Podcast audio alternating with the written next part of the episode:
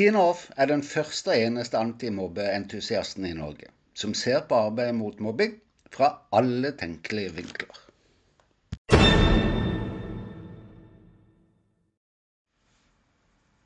I en travel skolehverdag kan det virke i overkant mye å skulle forholde seg til hvordan foreldre opplever møter på skolen, ikke minst i mobbesaker. Holder det ikke med fokus på oppgaven som skal løses, nemlig å få hjulpet eleven videre? Ser den. Men klart vi kan snakke om det. Velkommen til episode 80 i sesong 2. De to siste episodene tar utgangspunkt i foreldrenes behov og det offentlige svar på disse. Det kan jo være kjekt å ha hørt de først, fordi dagens tema bygger på disse, nemlig hvor, hvorfor saksbehandlinga ikke har en sjanse til å bli et faktisk samarbeid. Den byråkratiske formen sørger for det, fordi de sosiale mekanismer og følelser eller behov ses bort fra i et slikt objektivt byråkratimaskineri. Og effekten, den er det skolen, foreldre og ikke minst barna og unge som betaler prisen for. I dag har jeg tenkt å se nærmere på noen mekanismer det sjeldens prates om. Når skolen og foreldre møtes til vanlig, er det gjerne til konferansetimer eller foreldremøter konferansetimer om barnets utvikling og foreldremøter om informasjon, f.eks. hva som er viktig i dette skole eller ved overganger til nytt skoleår.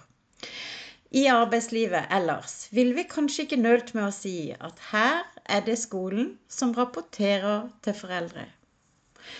I mobbesaker, da, er jo utgangspunktet et helt annet. Her er det snakk om de ulike formene for mobbing som har fått utspille seg over tid på skolen, uten og har blitt fanga opp i en av de gjentagende hendelsene. Uten å merke at stemningen er skiftet i klasserommet. Uten å oppdage at enkelte elever ikke lenger er eller gjør som vanlig. Og det, folkens, er ansett så alvorlig at vi altså snakker om at et lovbrudd har funnet sted. Skolen vet det, og foreldrene vet det. Barna også, selvfølgelig.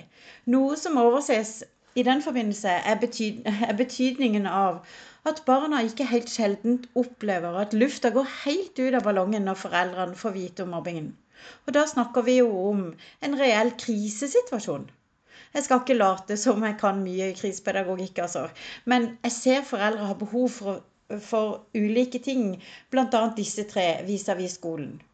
For det første en forventning om å bli møtt med en beklagelse. Altså at skolen rett og slett heiser det hvite flagget. For det andre også en forsikring om at forholdet tas tak i, og at skolen forstår at en mobbesak er en krisesituasjon. For det tredje foreldrene trenger også å bli invitert inn til et faktisk samarbeid.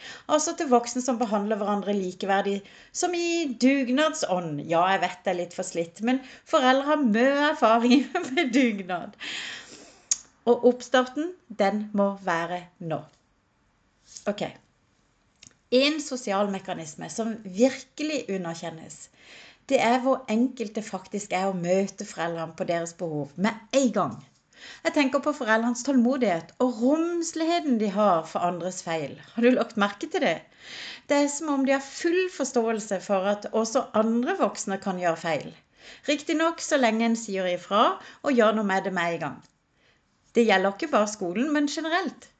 Kanskje er det noe foreldre bare har. Altså foreldre- eller oppdragergenet. Jeg vet ikke.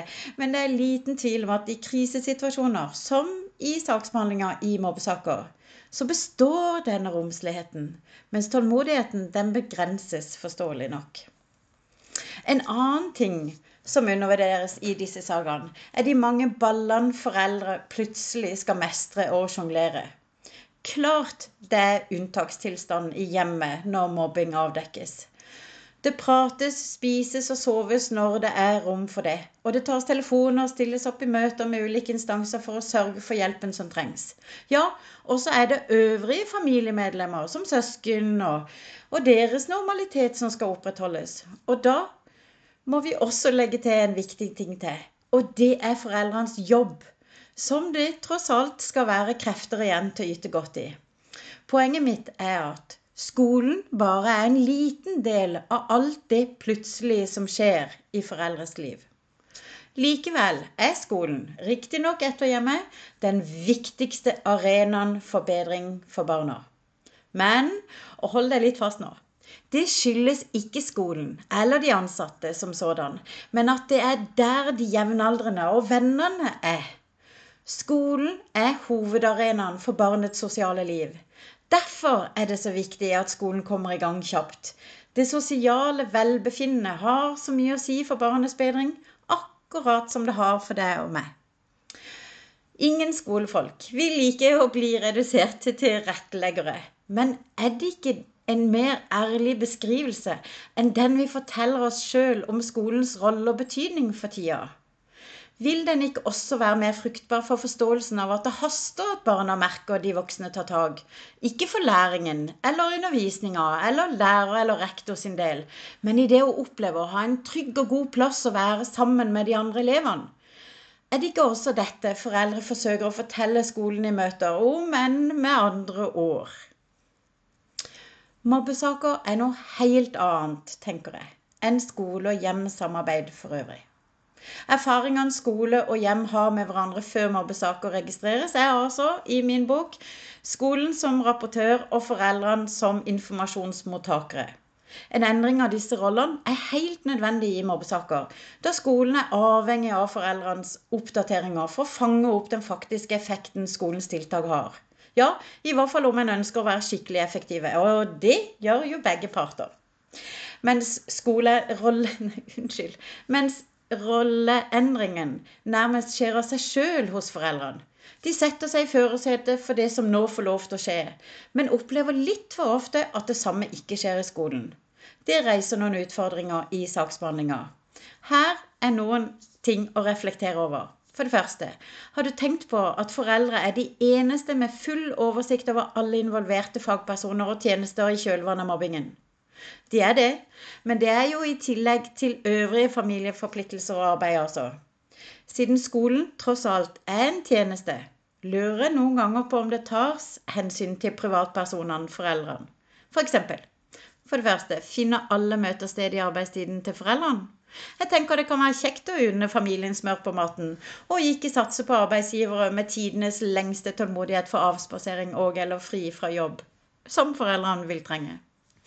For det andre, når det er så hektisk i foreldrenes liv mens barnets bedring lar vente på seg, gis foreldrene mulighet til å forberede seg til møter, f.eks. ved å få oversendt utkast til revidert aktivitetsplan i god tid før neste møte. Du vet, å legge til et vedlegg i innkallingen som tar maks ett minutt for skolen, slik jeg har nevnt tidligere episode. For det tredje, med denne totaloversikten som foreldre har, er det flere grunner til å lytte til de tenkere nå er da. Jeg nevner titt og ofte at foreldrene er eksperter på å oppdage endringer hos sine barn, men legger til at barna prater jo også ofte mer om de såre ting til sine foreldre. Og så er det jo hjemme det blir tydelig om barnet sover, spiser, om humøret endrer seg, har sosial omgang osv. Ikke minst har foreldre ofte med seg beskjeder fra andre fagfolk til møtene, som er av særdeles relevans for tiltak og justeringer til hjelp for eleven. Et siste punkt i denne forbindelse er tilliten. Jeg hører stadig det nevnes i møter hvordan foreldre må vise skolen støtte, og at det viktig at det viktigste foreldrene kan bidra med i barnets bedring og holdning, er da overfor skolen. Hallo, Støtte og tillit. Det får jo skolen når den gjør seg fortjent til det. Er det ikke sånn? Og hva betyr det? Jo, enkelt, tenker jeg da. Når barnet opplever skolen som en god plass å være igjen, sammen med sine jevnaldrende, ja, da blir foreldre stadig mer happy. Bare se. Men ikke bare behov. Vi må snakke om selve samarbeidet også. Jeg sa vel i forrige episode at samarbeid mellom skole og hjem i mobbesaker ikke har en sjanse. Det er litt bold å si det da, men jeg sa det. Det er fordi den byråkratiske, objektive formen ikke tar hensyn til noen av de punktene jeg har nevnt til nå. Det er kanskje noen av de viktigste, ikke minst fordi vi snakker om å ta vare på folk, barn og voksne. Ja, ansvaret for saksbehandlingen er lagt på skolen, for skoleforhold. Men som jeg sa tidligere, er skolen bare én del av de mange nye oppgaver foreldre har fått på sin gjøremålsliste. Foreldre er sjefene for sine barn. Det må det altså ikke være tvil om. Men skolen, da? Er det riktig at skolen skal ha dette ansvaret? Ja, men også her trengs noen ubyråkratiske forståelser med, tenker jeg da. Å skyve årsaken nedover i kjeden er slik hele systemet i arbeidet mot mobbing fungerer i praksis. Det betyr at statsminister kan rakke ned på skoleledere og lærere, som gjør at lokalpolitikere legger press på skoleeierrepresentanten om å sørge for mindre mobbetall, som igjen legger press på skoleledere, som igjen fører til overstyring av lærere og foreldre. Resultatet er lærere som føler seg overkjørt, og foreldre som motarbeidet. Og da må jeg bare legge til en overraskende byråkratisk mekanisme som kommer til syne. Jeg tenker på den politiske samarbeidsformen. Du vet, vi har politikere på ulike nivåer, lokalt, fylkesvis og nasjonalt. Gjert Langfelt snakker om dette, hvor han sier at selv om de ulike nivåene er tiltenkt å skulle samarbeide, vil de tidvis ha forskjellige innbyggere å skulle blidgjøre, og dermed også tjene mer på samarbeidet gjennom motarbeidelse. Det blir altså på papiret at det står at det skal samarbeides. Er ikke det akkurat det som er tilfellet i saksbehandlingen i mobbesaker også? Noen må på et eller annet tidspunkt ha tenkt at negative sosiale mekanismer fra oven vil anspore en enorm entusiasme for å gå seg selv i sømmene. Uh, ok? Ja, for er det ikke det den byråkratiske formen legger opp til? Skolens ansatte gjør et lovbrudd, og første del av straffen er at skolen skal stå til rette overfor offeret, altså eleven og dens foreldre. Offeret skal fortelle skolen hva skolen skal gjøre bedre, noe som må bety at offeret har bedre oversikt over hva som skal til enn skolen selv. Hvis vi skreller av alt, er det ikke det som ligger i modellen.